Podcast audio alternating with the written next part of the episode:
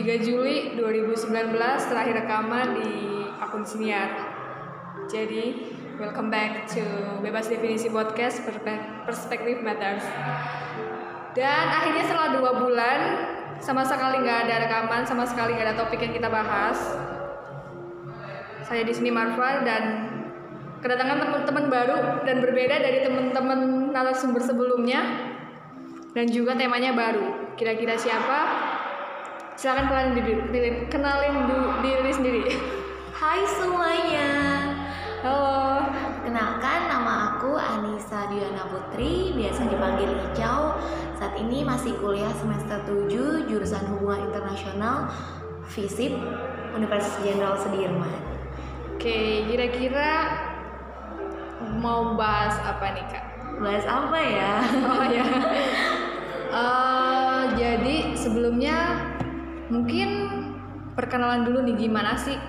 Kok bisa nemu yang namanya Icau ini? Nah, sebenarnya dulu tuh ketemu pas di UKM olahraga ya. Iya kak, UKM Nah, bela diri ya. Bela diri olahraga. Masih aktif nggak? Eh, udah ini soalnya sibuk. Oke.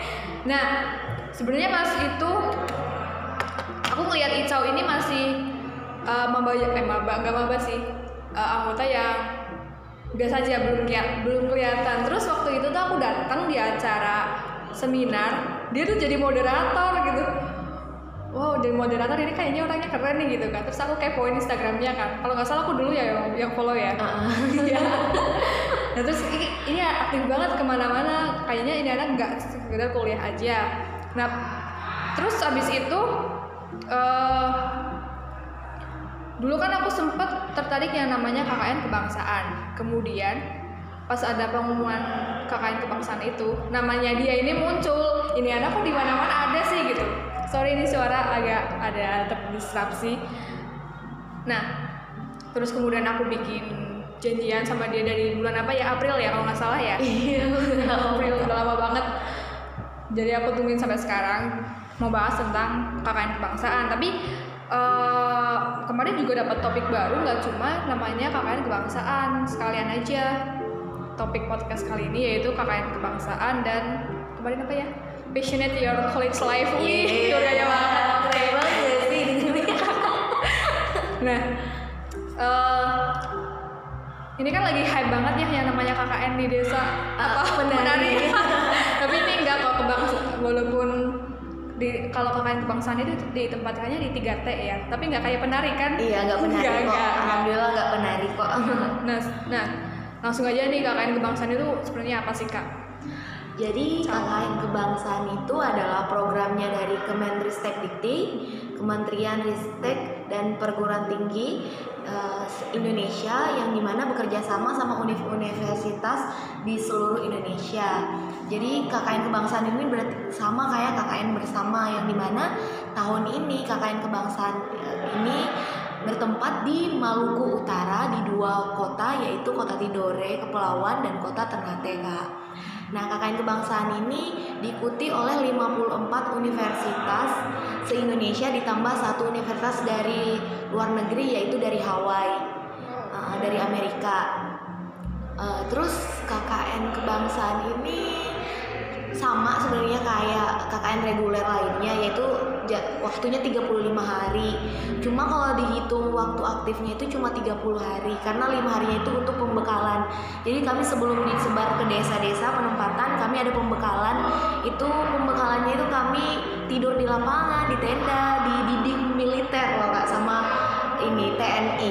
itu tempatnya jauh dari desa yang mau dituju tempat apa pem- pembekalannya? Eh, pembekalannya kebetulan kan eh, tadi Ico bilang di Ternate dan Tidore kan. Nah kebetulan Ico itu dapat di Tidore dan pembekalannya di Ternate, eh, di Tidore juga. Jadi pas hari pertama datang itu kami di Ternate dulu, di Ternate dulu itu sehari untuk eh, di mes kami di asrama haji. Setelah itu keesokan harinya kami baru eh, menyeberang pulau ke Ternate, ke Tidore maaf, ke Tidore kepulauan. Baru kita pembekalan, pembukaan dan pembekalan selama tiga hari.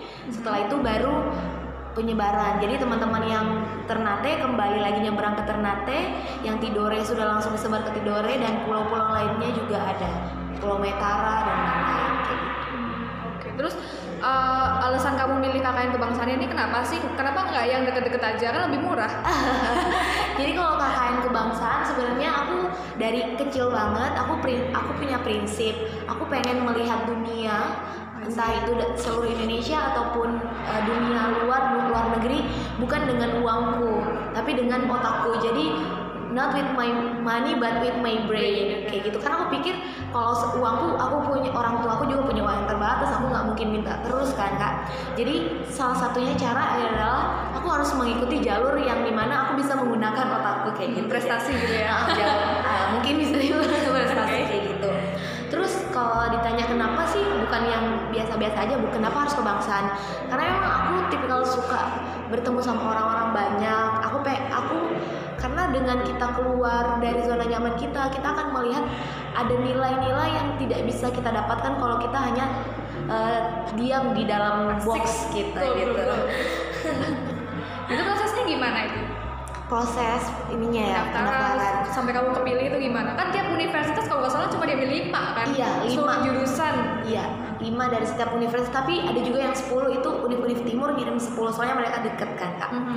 Kalau prosesnya itu pendaftaran waktu itu tuh dari beberapa bulan sebelum ini aku emang udah wanti-wanti eh, harus Pin. selalu ngecek ini loh kak website LPPM sama eh, akun-akun BEM gitu untuk iya. pendaftarannya kan pas pendaftaran eh, ada harus nyetor bebas narkoba, kesehatan fisik, terus minimal IP SKS itu 110 SKS kalau nggak salah lebih lebih tinggi dibandingkan KKN Iya. reguler SKS-nya. Terus minimal IPK juga 3 apa 3,2 ya lupa. Ada minimal IPK-nya terus aktif organisasi sama prestasi gitu kan. Terus setelah itu daftar di LPPM, kita nyerahin eh, daftar dulu nulis nama. Setelah itu kita serahin berkas. Berkas-berkas kebutuhan penunjang lainnya kayak surat-surat kayak gitu. Setelah itu katanya kalau nggak salah ada seleksi berkas. Setelah seleksi juga berkas kemudian kita seleksi tertulis. Eh, seleksi tertulisnya itu kalau kalau nggak salah ada tujuh soal kak. Disebutin nggak nih? Ya sebutin aja. Ah, sebutin aja. Tujuh soal itu kayak bukan soal sih sebenarnya cuma kayak diminta pendapat kita diminta Iya. yang real real aja. Yang pertama misalnya apa prestasi yang kita sudah toreh selama berkuliah? Terus pengalaman organisasi kita apa? Terus bagaimana kesiapan fisik mental psikis kayak gitu. Terus em, program apa ini yang paling penting sih menurutku program apa yang kita tawarkan yang harus memang relate sama eh, Temanya ya? tema dan juga eh, jurusan kita jurusan kita kayak gitu. Karena kan percuma kan kalau misalnya kita ke sana tapi eh, background pendidikan kita juga nggak kepake gitu kan. Mhm. kayak gitu sih. Terus apa lagi ya? Aku lupa. Pokoknya kayak gitu gitu kesiapan tentang kayak gitu lah prestasi. Oke, nah itu kemarin-kemarin kan kamu sama lima orang yang lainnya ya itu jurusannya dari apa aja? Eh, jadi kita ada lima orang Icau dari HI Fisip satu Zainal namanya dari Zainal Abidin itu dari sosiologi fisik juga. Terus satu Siti Suciani itu dari jurusan agribisnis pertanian. Satu Lani Fatma itu dari jurusan sastra Jepang FIB dan satu Ayu Wulandari itu kimia FMIPA jadi semua jurusan tuh sebenarnya bisa ya masuk ya Iya. meskipun temanya apa tadi? Iya, jadi temanya untuk tahun ini tuh KKN Bangsaan itu memperkuat rasa solidaritas melalui eh, mitigasi bencana dan konservasi rempah. kemarin kamu berapa jam itu seleksi tertulisnya? Seleksi tertulisnya kurang lebih dua jam Dua kayaknya. jam. Iya. Oke. Ya sih dulu juga aku kan pernah daftar, Ah, pernah ah. daftar tapi tertolak. Dan itu aku tuh baru sadar, eh, lumayan sadar kalau betapa pentingnya kita tuh berorganisasi, kemudian pentingnya juga kita belajar multidisiplin ilmu ya, mes- meskipun basic kita harus harus tahu gitu. Nah makanya kita dikulik aja di sini nih, dan bareng Icau. nah terus selama kemarin 30 hari ngapain aja? Eh, selama 30 hari, jadi berarti ini udah ngomongin masa KKN ya kak? Iya. Setelah kita kami penempatan, terus kami pertama kali itu tentunya ngobrol dulu sama teman kelompok kan karena sebelumnya belum ngobrol karena pas pembekalan itu masih beda kelompoknya lagi. Jadi kita ngobrol dulu terus ngurumusin program kerja yang fix kemudian itu kami nyusun matriks terus sosialisasi ke warga tentunya pendekatan-pendekatan ke warga. Setelah udah fix program kerjanya kami sosialisasi ke warga tentang program kerja yang kami bawakan. Setelah itu langsung survei kita juga survei lapangan tentang permasalahan-permasalahan di sana baru deh langsung kita ngerjain program kerja. Tapi yang bikin unik KKN kebangsaan di Maluku ini karena sa- bersamaan dengan panen. Pesta panen warga di sana bukan? Panen cengkeh kak. Cengkeh. Uh, makanya kan namanya eh, temanya konservasi rempah kan? Ya ampun. nah eh, soalnya kan salah satu cengkeh tertua di dunia itu adanya di Maluku Utara. Itu cengkeh di cengkeh Avo namanya. Terus di sana kita panen jadi eh, kami kesusahannya bukan kesusahan ya kendalanya itu yang terhambat program kerja itu karena masyarakatnya sibuk panen pagi sampai sore itu panen malamnya baju deh baju deh itu potong ini loh misahin cengkeh dan gagangnya sampai tengah malam sampai subuh besok pagi jemur lagi kan. Jadi melalui baju deh itu kami pendekatan ke warga lewat situ Ngobrol, ikut ngobrolnya libur lewat gitu. situ Terus kalau dari jurusanmu kamu ngadain acara apa? Proker apa? prokerku sendiri. Alhamdulillah kan eh, kakak aku di penempatannya itu di Tidore, Kelurahan Kalodi. Kebetulan kami itu ada dari lima universitas, Universitas Riau, Jenderal Sudirman, Siliwangi, Tanjung Pura, sama Hairun sebagai tuan rumah. Dan alhamdulillah rata-rata semuanya sih disiplin ilmu kami terpakai. Kalau dari Icau sendiri kan Icau hubungan internasional. Eh, Icau ngasih pro, tiga bawa sebenarnya alhamdulillah bawa tiga program kerja dan semuanya diterima. Program kerja yang paling pertama itu draft komunike. Draft komunike itu rancangan kebijakan. Usulan apa tuh? Kebijakan publik di eh, pemerintahan sana. Jadi selama 30 hari kita nggak cuma ngerjain proker tapi kami juga melakukan ini kak riset internal riset internal dan juga survei ke masyarakat tentang permasalahan-permasalahan yang dihadapi masyarakat selama ini. Oke. Eh, dan kami bagi menjadi tujuh sektor pendidikan, kesehatan, ekonomi, lingkungan, infrastruktur, pariwisata dan pertanian. Tujuh sektor itu kami lihat permasalahannya, terus kami kumpulkan dan kami buat rancangan kebijakan dan hasilnya kami serahkan ke DPRD Kota Tidore Kepulauan. Itu karena kebetulan kan kalau Ica kan alhamdulillah eh, tergabung dalam FKM HII, Forum Hmm. Komunikasi Mahasiswa HI. Itu tuh biasanya kami ada memang namanya eh, Joint Statement Forum. Itu tuh Joint Statement Forum itu kayak forum-forum ngebahas permasalahan di Indonesia. Habis itu kami ngasih usulan kebijakan, hasilnya itu kami kasih ke DPR RI. Tapi kan Wow. karena ini lingkupnya kita di kota Tidore makanya kasih ke kota Tidore. Prosesnya lama nggak? Lama, soalnya prokerku tergolong yang paling lama soalnya selama sebulan nggak sama proker lain kan proker lain misalnya mungkin seminggu udah selesai ya. kalau aku harus riset sampai sebulan selesai baru serahin Terus yang lain tadi ada tiga kan? Oh iya, terus yang kedua itu ini sekolah alam sahabat Lingling dan Dina. Ini sebenarnya program programku yang paling unggulan. Yang aku Oke. rasa mungkin gara-gara ini aku lolos di KKN kebangsaan Oke, oke, gimana, gimana? Dan Dina itu singkatan dari peduli lingkungan dan mitigasi bencana kak. Jadi itu tuh sekolah alam yang kami bikin sekolah di luar di luar sekolah formal. Terus kami kumpulin anak-anak terus kami ajarkan bagaimana mencintai alam dan juga bagaimana menghadapi mitigasi bencana. Soalnya kan eh, Maluku Utara ini adalah salah satu daerah yang paling rawan bencana. Ada lima eh, bencana yang kayak tsunami, longsor, gempa bumi kayak gitu yang ada di karena salah satu titik api di dunia kan Maluku Utara gitu. Oke, targetnya anak-anak berarti ya, tahu Ah, nggak? anak-anak. Anak-anak. Sekolah. Terus program kerja yang ketiga aku coba lupa ya? Eh, ini blueprint mitigasi bencana. Jadi permasalahannya di sana itu walaupun eh, resiko bencananya tinggi tapi masyarakatnya masih minim mitigasi bencana kak jadi kami melalui bikin program kerja blueprint itu kami ngadain dulu simulasi mitigasi bencana kami ngadain simulasi gempa. Setelah itu kami bikin blueprint. Awalnya kamu pengen bikin buku tapi permasalahan di sana adalah permasalahan literasi yang masih rendah. Jadi kami bikin dalam bentuk stiker stiker yang kami tempel di 117 rumah. Soalnya di sana 117 kakak. Tempel di rumahnya masing-masing dengan dua bahasa yaitu bahasa Tidore dan bahasa Indonesia Tujuannya? Eh tadi belum. Eh, itu tuh posternya itu poster tentang bagaimana menghadapi bagaimana tanggap bencana gitu. Jadi apa yang harus kita lakukan kalau ada bencana gitu. Oke. Emang di sana masih kurang ya? Iya, masih kurang banget kayak gitu. Padahal rawan gitu ya. Padahal rawan.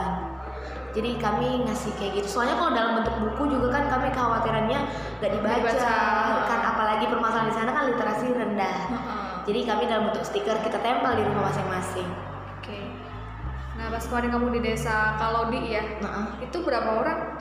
di kalau dia ada 10 orang kak. Beda-beda univ. Beda-beda univ ada lima univ tadi yang udah sebutin. Nah, berarti itu ya, walaupun kamu udah di unsur dapat lima orang, tetap disebar ya? Ya disebar. Jadi unsur tersebar menjadi dua, dua orang di Tidore di Kalaudi dan tiga orang itu di Ternate di Tomole. Namanya daerah Tomole. Ico waktu itu sama Ayu, Ayu dari MIPA. Kayak gitu. Nggak pernah ketemu berarti? Apa kalau misal ada acara gede gitu nggak ada? Kalau ada acara gede, kayak soalnya kan KKN kebangsaan ini nggak kayak KKN reguler yang benar-benar dilepas. Kami harus selalu ada namanya desiminasi program kerja.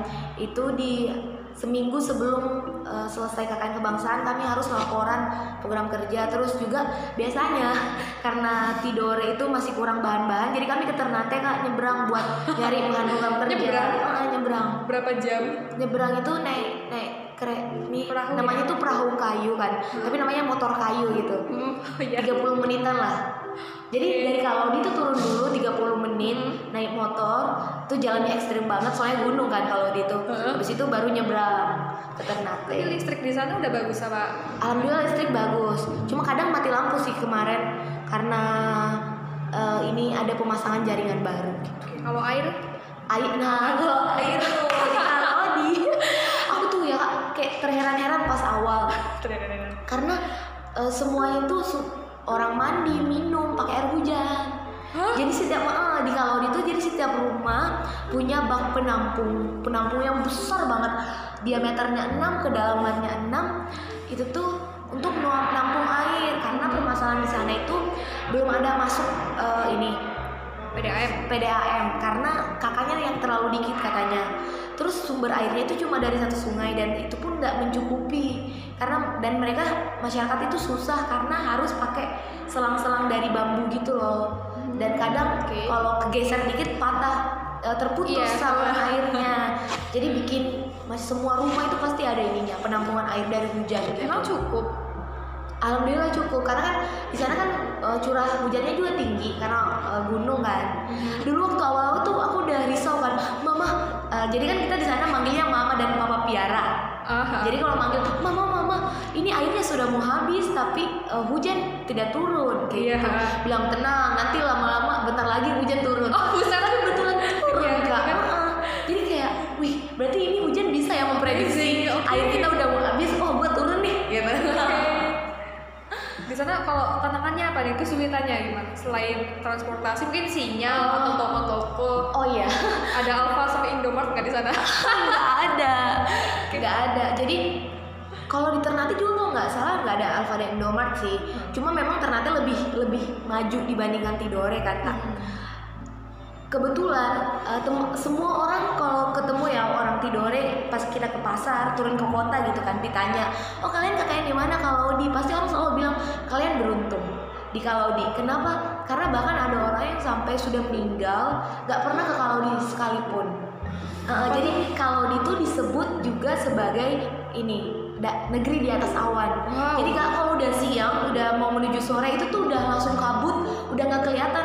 Jadi oh banyak banget spe- hal yang spesial dari Kalaudi. Indah banget pasti ya. Banget kak. Yang pertama dari Kalaudi kita bisa lihat empat pulau langsung di Maluku Utara. Wow. Pulau Ternate, Maitara, terus Pulau Mare, sama Pulau Ijau lupa satu.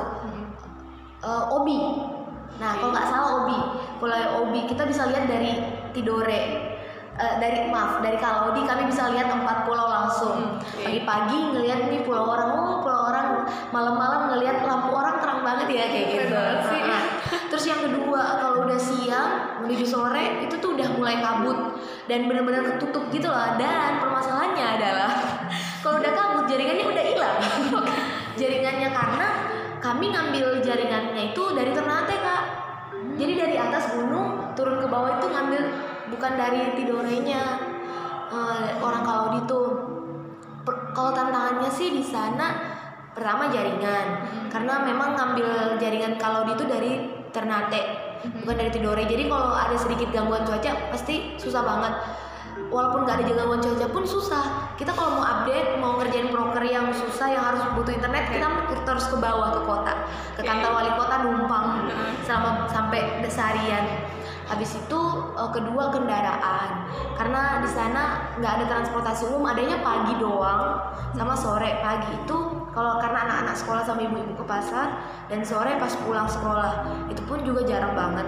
Jadi kami eh, nyewa mobil gitu nganterin kami mobil pick up. Jadi di sana ada pick up mulu masuk angin. Terus tapi dari kekurangan itu banyak kelebihannya sih kalau kalau di gimana tuh gimana? Eh, pertama Kalodi itu durian yang paling enak di Maluku Utara itu di Kalodi. Tapi sayangnya waktu itu kami udah lewat musimnya, musim duriannya jadi kita nggak makan. Terus yang kedua masyarakatnya ramah, bener-bener ramah banget. Semuanya open ya Iya, jadi kami tuh ya kak, kami punya jadi se- eh, dari 10 orang ini kami dibagi menjadi tujuh rumah, tujuh mama papa piara. Jadi kami nggak satu rumah, jadi kayak satu rumah satu anak atau dua anak Heeh, gitu jadi kayak heeh. jadi kalau aku sendiri dua anak yang paling banyak sih dua anak ya, ada tapi ada yang satu-satu tapi kami ngerasa semuanya orang kalau di itu tempat kita tinggal. Jadi kita makan di mana pun kayak gitu. Tiba-tiba datang mama mau makan. Padahal bukan rumah tempat kita tinggal gitu. Dan benar-benar di sana kan juga banyak ininya ya eh, hasil alamnya kayak alpukat terus pala. Dan masyarakat itu ngasih aja gitu makan ini makan makan kopi semuanya. Dan bener bener-bener kami tuh kak nggak bayar really? Iya kami nggak bayar tinggal uang. nggak bayar? Bener jadi waktu awal itu kami datang ke Kalodi kami dikasih tahu sama masyarakat di sana sama Pak Seklur Pak Sudin namanya. Kalian itu datang ke sini kami anggap adalah kalian adalah anak kami yang sedang merantau ke tempat kami masing-masing dan sekarang lagi balik balik ya kampung. ampun. Oh, jadi aku langsung merinding gitu aku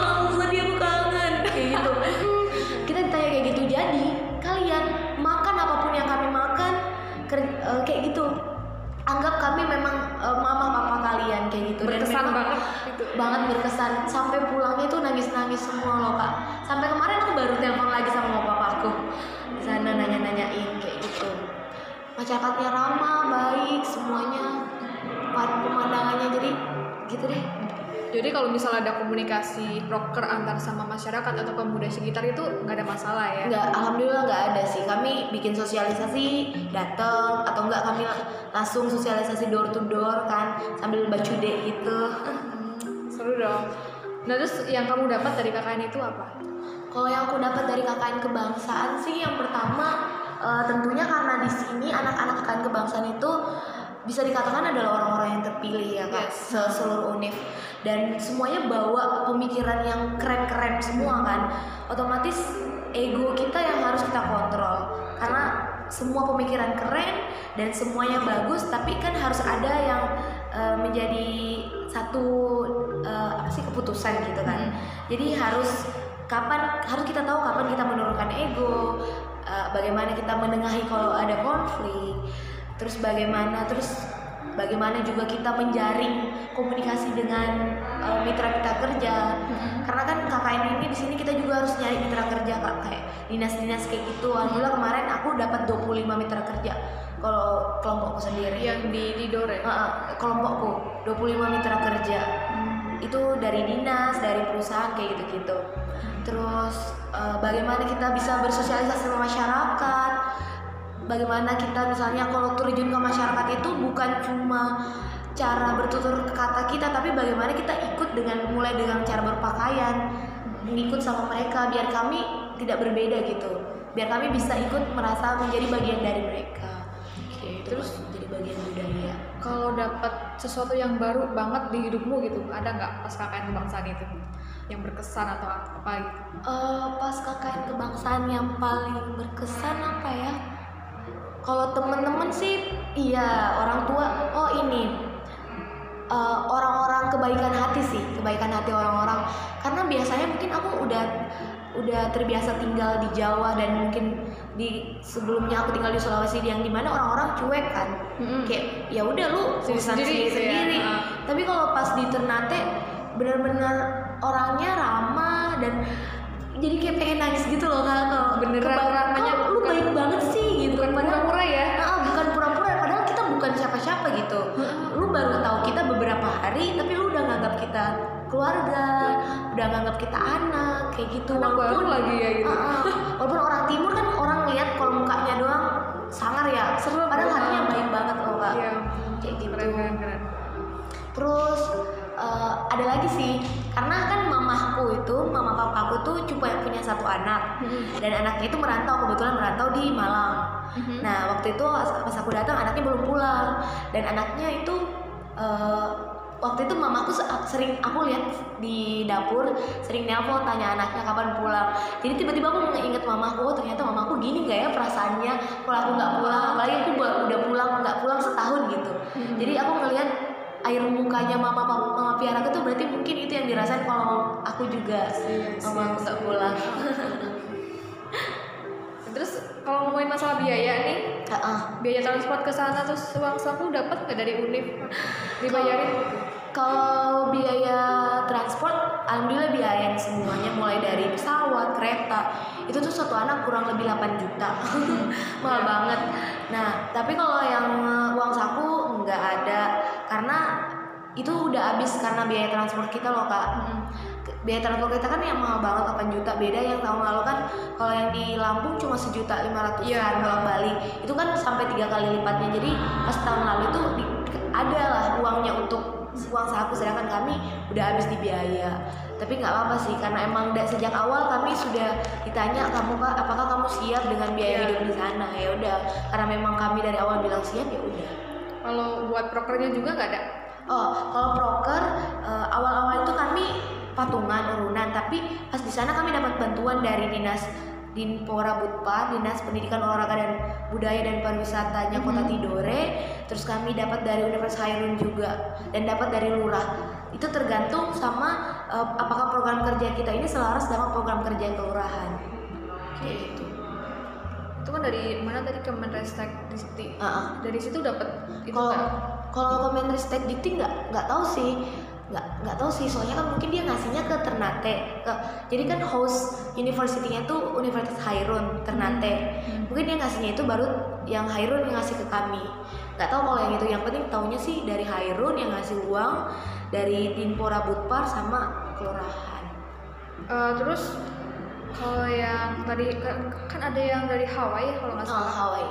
Hawaii University itu nggak sama mereka ya? Oh, kebetulan yang Hawaii itu cuma satu orang kak.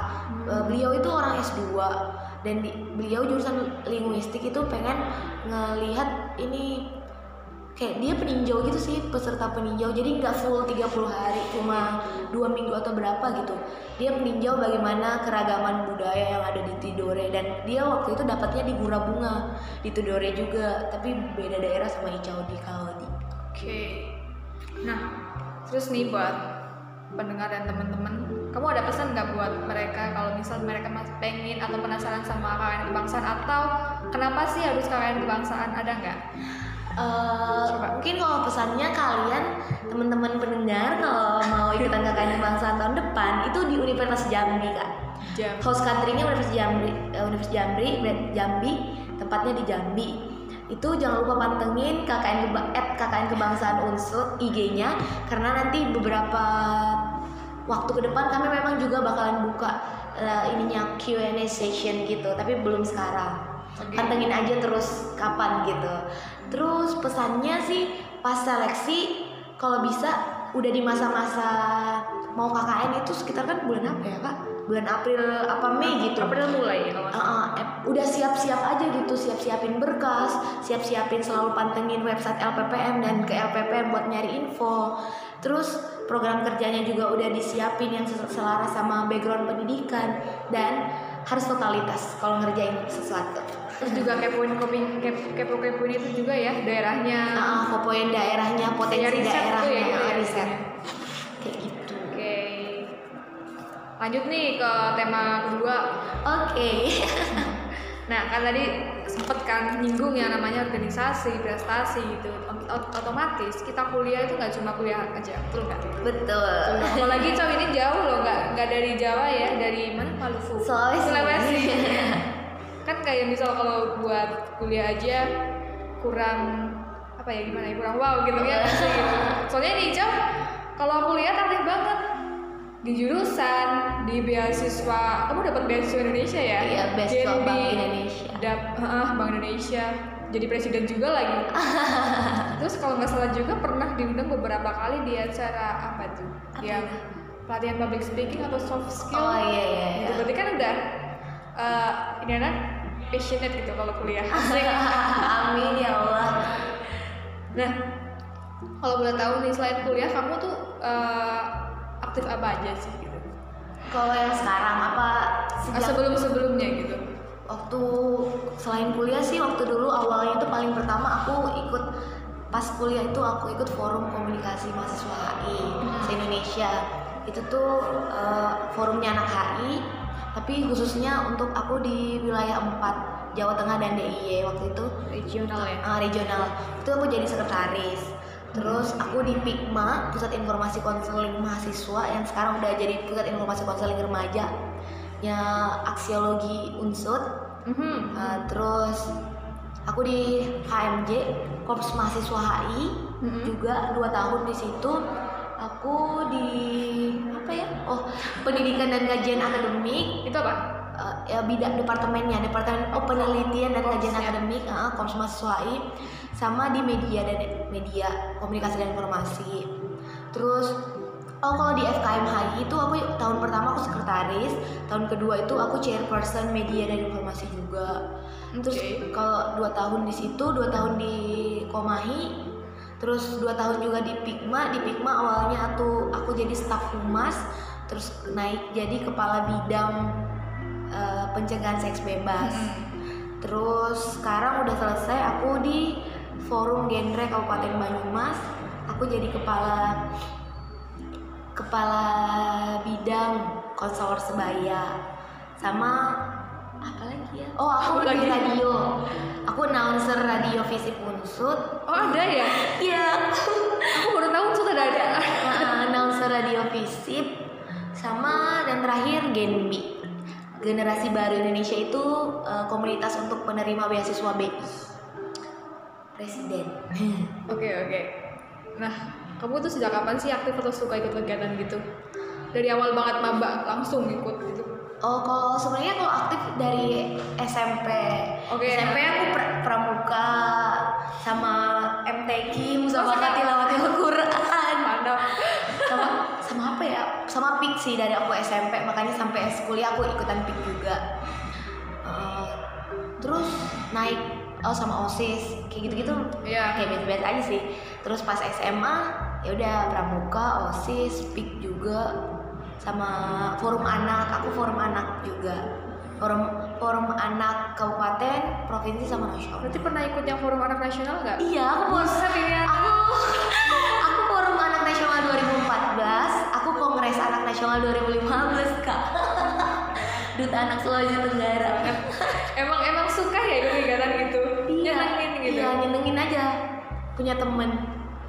Kalau sekarang kamu juga lagi suka keluar ya, cara keluar kayak kemarin yang keluar negeri tuh ke mana tuh? Oh, waktu kebetulan kemarin habis dari Malaysia di kegiatannya tuh ASEAN University Youth Summit. Jadi itu kayak pertemuan mahasiswa se ASEAN gitu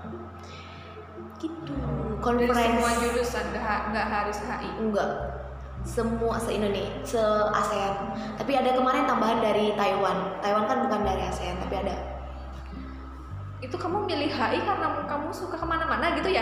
Eh, aku pilih hal itu awalnya karena aku suka belajar budaya-budaya baru. Tapi paling goalsnya sih eh, ini keluar negeri sebenarnya Iya, mikirnya siap. kayak gitu kan. Wah HI kan mungkin suka keluar negeri terus belajar budaya yang baru. Tapi eh, pas selama berjalan aku baru merasa bahwa ternyata aku masuk HI karena aku bukan tipikal orang yang spesial sama satu hal aku tipikal generalis kak jadi aku suka belajar ekonomi aku suka belajar Hmm. politik pendidikan jadi nggak Oke. fokus pada satu sektor gitu dan alhamdulillah masuk di HI kita belajar emang multidisiplin ilmu kan Ya, dan betul. aku bersyukur sih di situ Oke. Nah, kalau kamu tadi kan general ya katanya ya, tapi jenis kegiatan apa sih yang paling kamu suka sebenarnya? kegiatan apa eh, ini nih bidang gitu Ya bisa bidang bidang kalau bidang paling aku suka banget adalah pendidikan pendidikan. aku suka banget bidang pendidikan terus selanjutnya eh, ini self improve Mm-mm. sama lingkungan Oke. Lingkungan yang apa? lingkungan kayak ya sampah-sampah kayak gitu sama oh ini nih pendidikan karakter Mhm. kayak misalnya sesimpel bagaimana kita bisa membantu orang kalau kita lagi ini kayak sekarang kita lagi di kafe terus kita udah selesai kita bantu ngerapiin dikit biar waitersnya gampang ngambil eh, sampah dari kita atau enggak kalau bisa langsung buang sampah sendiri aja gitu Mm-mm. kayak gitu aja kayak gitu sih Terus kamu berarti sering ikut eh, acara yang nggak lintas jurusan di luar jurusanmu nggak? Maksudnya eh, acara disiplin ilmu gitu, multidisiplin ilmu. kalau multidisiplin ilmu apa ya nggak terlalu sering juga sih cuma karena karena kayaknya selama kuliah aku lebih banyaknya ikutan pertemuan nasional mahasiswa HI Mhm. dan itu memang HI terus palingan ikut-ikut apa ya palingan kayak conference atau kayak gitu sih kak. Hmm, Oke, terus motivasinya apa sih ikut kayak gitu, gitu-gitu gitu? motivasinya nggak tahu kenapa aku kayak haus banget sama pendidikan. Aku selam, semakin aku melihat dunia luar aku semakin ngerasa aku Belum tahu apa-apa belum ya? tahu apa-apa gitu. Masih banyak orang yang ini dan ada goals yang harus aku capai kayak gitu. Jadi untuk melalui goal untuk mendapatkan goals itu aku harus mencapai step by step dan Hmm, itulah langkahnya Oke. Nah, eh, terus kamu punya role model nggak dalam melakukan hal segala ini gitu? ada Ya. Kalau-. Role modelku lumayan banyak, tapi yang sekarang banget itu yang pertama Kak Iman Usman. Aku suka banget Kak Iman Usman. Kenapa tuh, kenapa? Suka itu. Soalnya nih pertama sama-sama anak HI. Oh iya? Nah, Kak Iman Usman itu anak HI. Dan beliau adalah Mama Pres. Mama Pres kemarin pengen ngikutin jejaknya cuma tapi aku cuma sampai Mama Pres 2. Eh, terus tapi dia kan Mama Pres nasional beliau. Terus Kak Kak Iman juga tuh forum anak, Kak. Oh ya? Kak Uman forum anak Sumatera Barat kalau aku kan Sulawesi Tenggara kayak gitu terus dan suka di bidang pendidikan Kak Iman Usman kan aku juga suka banget di bidang pendidikan Alright. jadi gue ngerasa kayak eh, banyak hal yang cocok gitu Mirip, sama iya. mirip sama aku sama Kak Iman Usman kayak menggebu-gebunya juga kayak gitu cuma ya kalau dilihat prestasinya mah Kak Iman mah aku mah jauh banget dari Kak Belum, Iman belum, belum. Kan masih muda. Belum. Terus yang kedua itu Kak Afu. Kak Afu itu temennya Kak Iman juga. Mhm. Kak Afu kami sama-sama anak eh, HI juga. Yang aku lihat ini Kak Afu ini bagus di bidang kebijakan publik dan sama kayak aku kita sama-sama Potterhead suka Harry Potter Ih sama dong aku juga. juga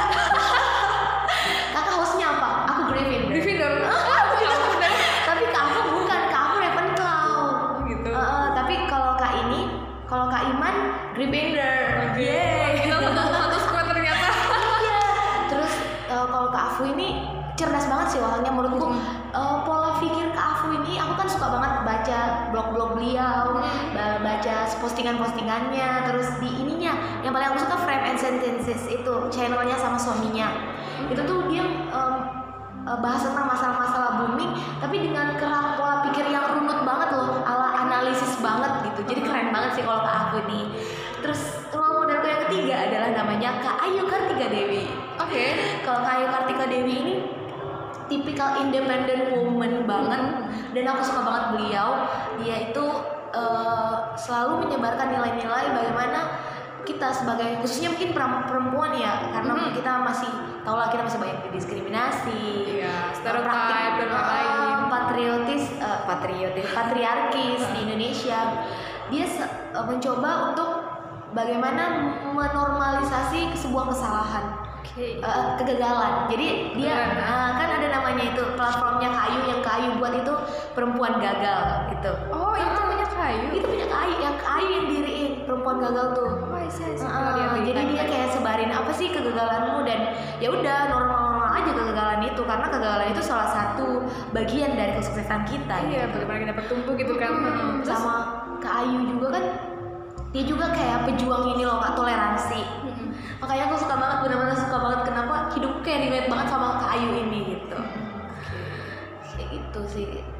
Nah, terus eh, udah ya tadi ya tiga tiga tiga doang. Eh, sebenarnya banyak masih banyak lagi. Kayak mamahku mamahku yang paling utama sih mamahku sama karena mamahku tuh sejak kecil aku kenapa mungkin aku bisa kayak gini juga menjadi orang yang menurut aku sih aku udah mulai di tahap yang mandiri itu eh, nggak bergantung terlalu banyak sama orang karena mamahku mamahku sejak kecil aku nggak dia nggak dilarang.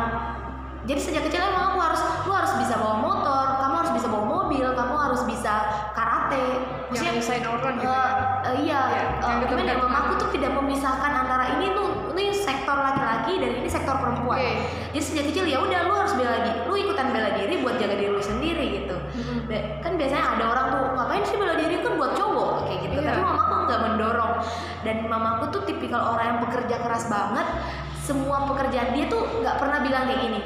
Ah enggak, ah, ini pekerjaan laki-laki. Jadi mamaku tuh bisa malu, bisa maku, bisa ngapain-ngapain kerjaan laki-laki, ngangkat-ngangkat berat. Itu mamaku bisa semuanya. Jadi mamaku kayak independen, tipikal independent woman banget sih. Jadi aku suka ini banget. Ah, ada lagi nggak? Eh, sama mamaku kakakku jadi dulu sebenarnya kak aku tuh orangnya cuek banget waktu SD jadi aku baru aktif tuh pas SMP waktu sebenarnya SD juga aku ikutan nari dan gerak jalan gitu sih. Cuma tipikal yang nggak friendly. Aku jujur aku di dulu nggak friendly banget waktu SD tapi karena kakakku kakakku tuh dulu pramuka dan dia tuh disenangin banyak orang. Dia baik kayak gitu-gitu. Akhirnya aku ngeliat oh kakakku pramuka. Dan akhirnya aku mengikuti jejaknya kakakku. Jadi aku bisa sampai di titik ini sebenarnya karena kakakku sih. Oke. Kak, walaupun sering berantem Nah terus eh, perbedaan apa sih yang kamu temukan selama kamu berproses gitu? Atau hal-hal yang apa ya nggak nyang aku nggak nyangka lo dapet hal ini hal baik ini selama aku berproses gitu. oke ke selama ini eh, aku kayak insecurity sih misalnya dulu itu aku nggak percaya sama diri aku. Oh ternyata aku bisa sampai di titik ini. Misalnya aku bisa dikenal banyak orang mungkin. Nggak dikenal banyak orang maksudnya aku punya banyak teman. Misalnya aku punya bukan teman cuma di sejurusanku. Aku bisa ke luar kota bertemu teman-teman yang lain. Dulu aku ngerasa insecure kayak misalnya aku kan dulu eh, dari kecil sampai SMA aku sekolah di Sulawesi. Dan pas di Jawa orang-orang pintar semua berkumpul di Jawa kan? Misalnya kayak mikir gitu.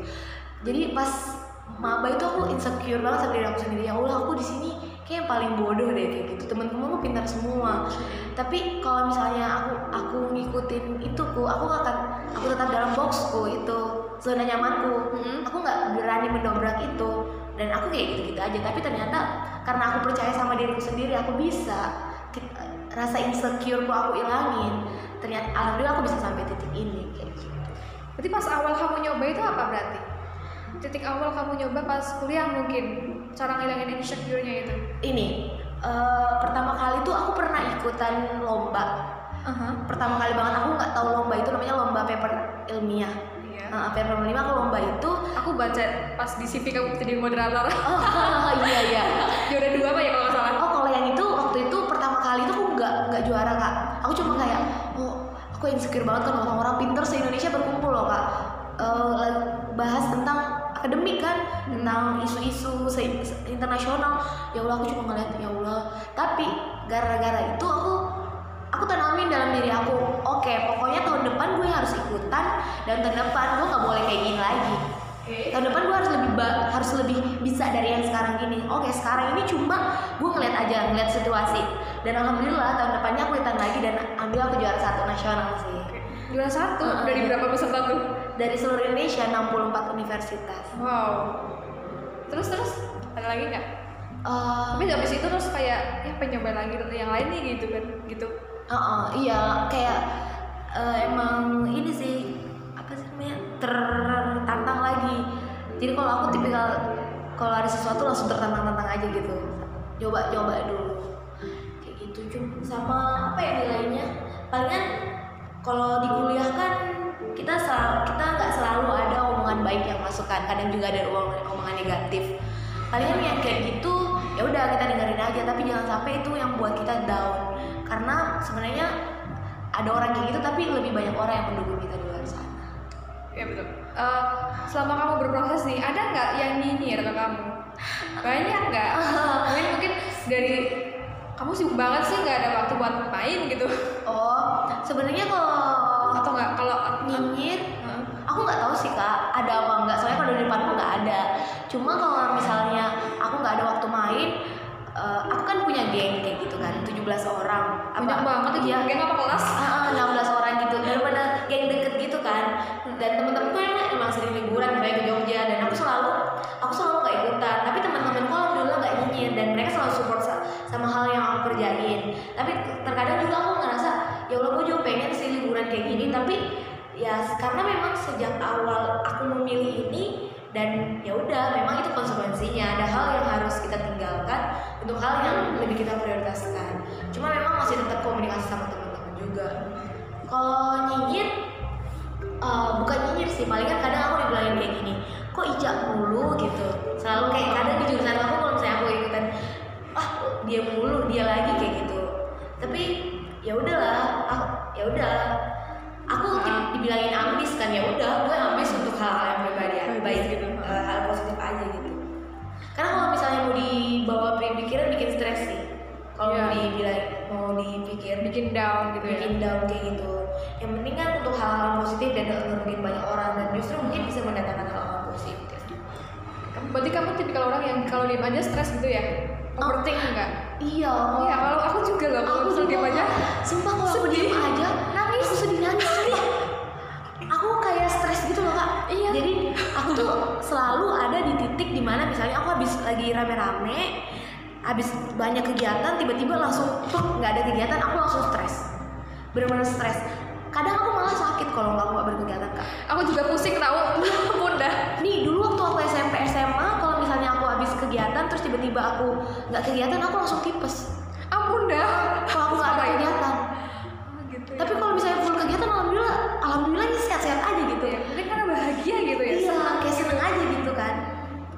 Iya, kayak sekarang juga kak sebenarnya kayak gini. Kemarin kan pas aku pulang KKN kebangsaan itu Mm-mm. baru banget nyampe di sini tanggal 23 subuh, 23 siangnya kan udah berangkat lagi ke Malai, ke Jakarta. Dan aku sendiri. Nah, itu kan dari KKN kebangsaan itu lagi abis rame-rame kan sama temen-temen yang lain. Terus perjalanan masih berlima. Pas ke Malaysia aku benar-benar sendiri dari Kuala Lumpur itu. Jadi kan tempat ASEAN University of Summit itu kan di Kedah. Itu tuh 7 sampai 8 jaman dari Malaysia kotanya naik bus. Aku tuh naik bus sendiri. Dan di situ tuh aku langsung ya Allah aku mewek ya Allah aku sedih banget aku sendirian nggak ada keluarga nggak ada teman tapi alhamdulillah pas sampai di sana ketemu teman baru lagi langsung seneng lagi sih karena teman-temannya pada baik-baik semua juga nah terus aku penasaran juga kalau dalam hidup kamu itu kan pasti dari tindakan itu sebelumnya ada pikiran gitu kan. Kayak ada yang ditanamkan dalam pikiran dulu gitu kan. Kalau kamu itu kayak eh, ada nggak sih values values dalam hidup kamu itu apa aja gitu? Oh, values eh, paling pertama sih moto aku. Moto aku Iya. tuh dream action pray. Ya jadi yang pertama aku harus menyusun mimpi-mimpiku. Tapi setelah aku menyusun itu nggak cuma sampai ditulis aja gitu. Tapi apa aku harus melalui aku harus meraih step step yang harus apa ya harus ambil take step lah buat meraih mimpiku. Setelah itu setelah aku udah berusaha keras ya udah terakhir pasrahkan ke Allah ikhtiar aja gitu. Hasil akhirnya kalau memang gagal ya udah kita coba lagi. Hmm. tapi kalau ya berhasil bersyukur Eh, terima kasih sama Allah sama orang-orang yang udah mendukung. Sama nilai nilai nilainya sih nilai lainnya itu be kind Eh, baik hati baik- menjadi baik lah sama orang. Karena maksudnya mungkin ada kan orang yang misalnya disenangin ada juga orang yang nggak disenangin. Senangin tapi kita nggak tahu nih misalnya kita tahu nggak sih kak kalau misalnya di kelas itu kan ada orang tuh yang suka dibully gitu kan? Aha. nah suka dibully kayak gitu. Maksud aku tuh be kind sama sama orang jangan ikutan menjadi orang pembuli itu. Karena kita nggak tahu orang yang terbully ini apakah di masa depan kami kita membutuhkan dia Iya, gitu betul. kan. Terus dan be humble kayak gitu sama orang-orang dan eh, ini sih selalu tanamkan positif walaupun memang juga kita nggak eh, nggak menampik bahwa memang selalu ada juga perasaan negatif dalam diri kita sendiri tapi kalau aku sih alhamdulillah aku tuh selalu mencoba untuk spreading positif Yes. walaupun aku dalam waktu aku sedang Nggak eh, keluar gitu ya. keluar tapi aku ngerasa kalau aku nge-spread negativity teman-teman kok jadi suasana jadi negatif gitu loh. Padahal kan itu masalah aku ya aku nggak usah ini. Aku tipikal kayak gitu sih. Iya aku juga ngerasa sih uh, dulu uh, sempet kayak nerapin uh, harus apa ya positif gitu Oh. positive thinking gitu. Tapi pernah ada suatu di suatu waktu tuh ngapain sih positive thinking mulu? Gitu kan. Uh-uh. bosan kali apa sih gunanya? Terus aku juga baru sadar kamu tuh hidup hidup nggak sendiri. Gitu. Iya. ternyata kalau kita spreading orang lain ikut bahagia ikut inspirasi tuh kayak oh di hati gimana Iya. gitu ya sih? Bener bener bener. Jadi kayak gitu aja sih. Sama nggak terlalu nggak usah terlalu dengerin omongan orang. Soalnya kan nggak ada habisnya. Eh, nggak ada habisnya. Dan juga kadang juga bikin kita justru down. Padahal kan itu nggak perlu. Terus em, ini pertanyaan paling klasik, paling biasa, paling di mana-mana mungkin ditanyain. Kamu manage time-nya gimana itu? Time sama energinya gimana? Masa sih kuliah akademik, organisasi, terus apa lagi gitu? Kok bisa balance semuanya gitu gimana? sebenarnya kalau kul- nilai kuliah aku biasa-biasa aja sih nggak nggak sebagus temenku yang lain mungkin kan temenku sampai 49 eh 49 39 sampai 4 kalau aku sih nggak sampai kayak gitu cuma ya lumayan juga sih masih aman-aman kayak gitu Mhm. Eh, kalau aku sejak awal aku ditanamkan sama orang tuaku kalau kamu mengambil suatu langkah kamu harus totalitas ngerjainnya jadi karena dari awal itu di sini aku diizinkan ke orang tua aku ke sini karena memang untuk tujuan kuliah bukan organisasi. kayak Right. gitu. Heeh. Jadi tapi aku pengen em, mencari nilai-nilai yang baru, mencari pengetahuan yang baru ya udah dengan organisasi kan kak. Mhm. Tapi aku harus be responsible sama diriku sendiri, sama orang tuaku karena tujuan utama ada pendidikan harus seimbang gitu. Jangan sampai pendidikan merusak organisasi dan begitu sebaliknya organisasi merusak pendidikanmu. Kalau untuk manage time-nya biasanya kan kalau rapat itu malam kayak gitu-gitu. Sedangkan misalnya belum belajar ataupun belum ngerjain tugas ya udah nggak tidur aja kayak gitu. Cuma sebenarnya ini ini sih eh, nggak boleh sebenarnya karena kan kita juga harus tidur. Jadi eh, ini pinter-pinter cari waktu kalau misalnya lagi ada free time misalnya misalnya kan kalau rapat itu kan ada ngaret tuh. Ya udah bawa laptop lah ngerjain yang nger- sambil ngerjain. Nanti pas udah mau rapat ya udah tutup ngaret rapat itu. Kayak gitu-gitu aja sih sebenarnya. Oh sama ini sih kalau aku yang paling bikin bisa manage waktu itu juga dengan aku nulis jurnal. Aku punya jurnal misalnya hari ini aku ngerjain apa aku udah ada schedule ini biar nggak numpuk satu sama gitu Bikin planning juga. iya schedule schedule aku schedule harian mingguan bulanan sampai tahunan Ada. Oke. Em, ini udah ditanyain belum ya tadi yang kamu dapat apa aja sih dari berproses kayak gini gitu? udah Udah ya? sih. Hah. Oke. oh iya udah Be- apa oh deh. kakak kebangsaan ah iya Beda beda beda. Ada nggak? Eh, aku dapat apa aja? Yang pertama tentunya aku dapat kebahagiaan untuk diriku sendiri. Karena ini hal yang aku mau. Dan itu aku aku seneng karena eh, sampai sejauh ini. Terus yang kedua itu ini kebanggaan sama orang tua aku sih. Soalnya aku pengen pengen kayak misalnya orang tua aku udah nyol nyekolahin aku jauh-jauh terus uang yang dikeluarkan juga tidak murah terus orang tua aku harus melepas aku dan yang di mana waktu itu aku sendiri sisa sendiri anak perempuan. Jadi kalau aku pergi mamaku kan sendiri tuh. Ya. jadi ya udah karena mamaku udah ngerelain banyak hal kerja keras untuk aku mama dan papaku kerja keras untuk aku ada aku harus ngasih apa sih aku yang bisa bikin orang tua aku bangga? Itu dengan misalnya sesimpel aku ngirimin foto oh mama hari ini aku uh, menang lomba nih kayak gitu. Misalnya oh hari ini aku keterima ini nih kayak gitu. Hari IPK aku misalnya lagi naik nih kayak gitu. Aku senang sekolah orang tua aku. Jadi alhamdulillah orang tua aku tuh nggak oh ternyata sebenarnya orang tua aku tuh tidak menuntut. tidak menuntut untuk itu. Cuma nggak tahu seneng aja kayak gitu terus yang ketiga bertemanan soalnya aku benar-benar kayak suka berteman aku suka punya teman baru. Nggak tahu kenapa aku suka banget berteman sama orang. Asik Kayak banget ya. asik aja gitu punya banyak teman baru di mana-mana. Di mana-mana misalnya kalau kita ke sini aku ketemu sama teman baru kayak gitu. Terus sama hal-hal sejauh ini sama hal-hal yang bisa uh, membantu aku untuk mencapai cita-cita aku sih depannya. Karena aku pengen doain ya kak. Aku pengen jadi bupati di daerahku membangun daerahku. Gitu. jadilah jadi nah oke terus menurut kamu uh, kalau misalnya sekarang ada mahasiswa baru ya? Ah, itu bisa dimulai dari pas mahasiswa baru nggak sih? Kita berorganisasi. Atau bisa banget sih. Jadi buat mahasiswa baru sejak awal teman-teman harus ngeplan. Empat tahun ini kan empat tahun kan kita kuliah. Mau ngapain aja terus harus pilih-pilih organisasi karena pas kuliah itu banyak banget organisasi yang menggiurkan enggak karena semua organisasi itu bagus kan? Iya. organisasi UKM yang bagus tapi harus pilih. Dan menurut aku pilih yang memang sektor kamu suka. Betul.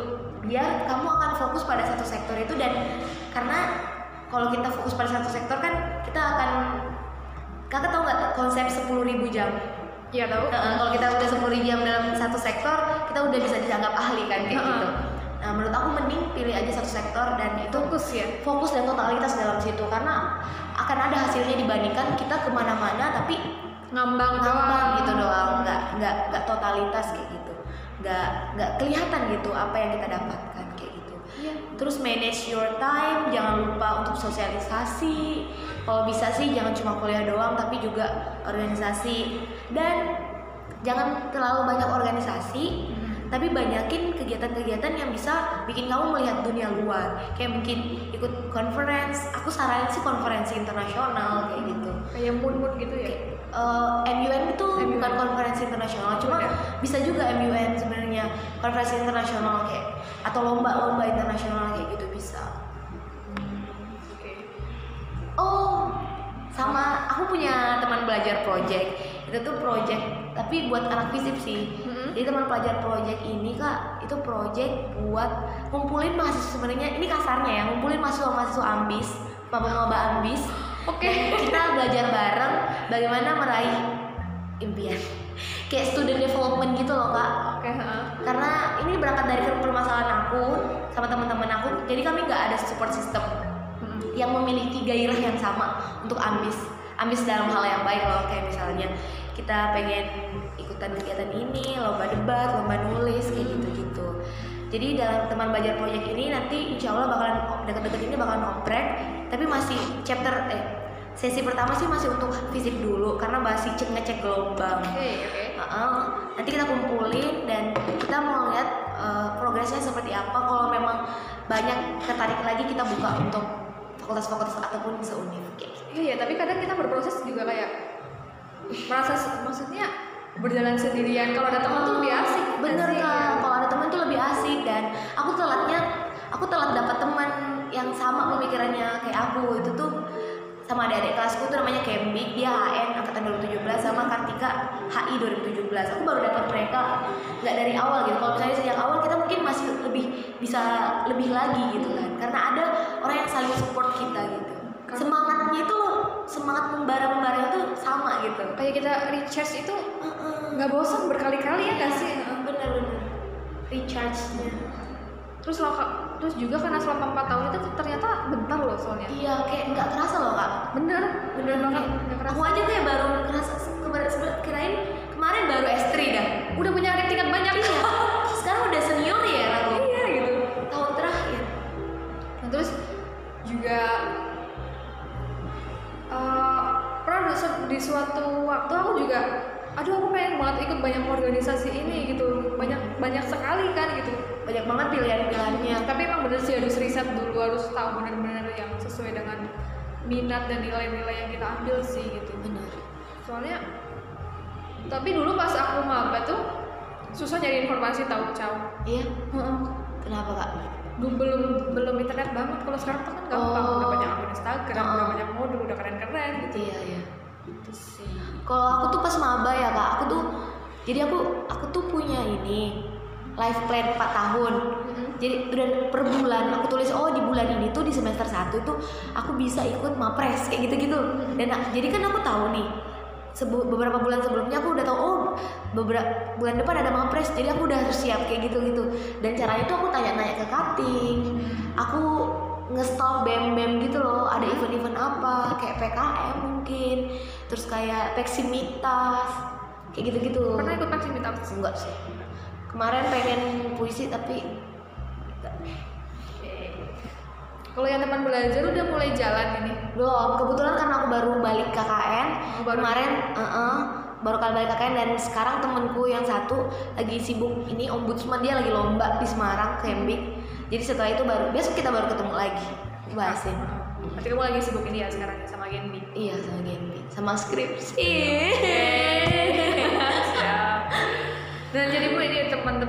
buat teman-teman yang di area Unsud atau terutama mahasiswa baru silakan ikut teman belajar. Eh teman visi biasa Tem- ya. teman belajar project Hmm, teman belajar. Ada Instagramnya. ada app teman belajar project Oke.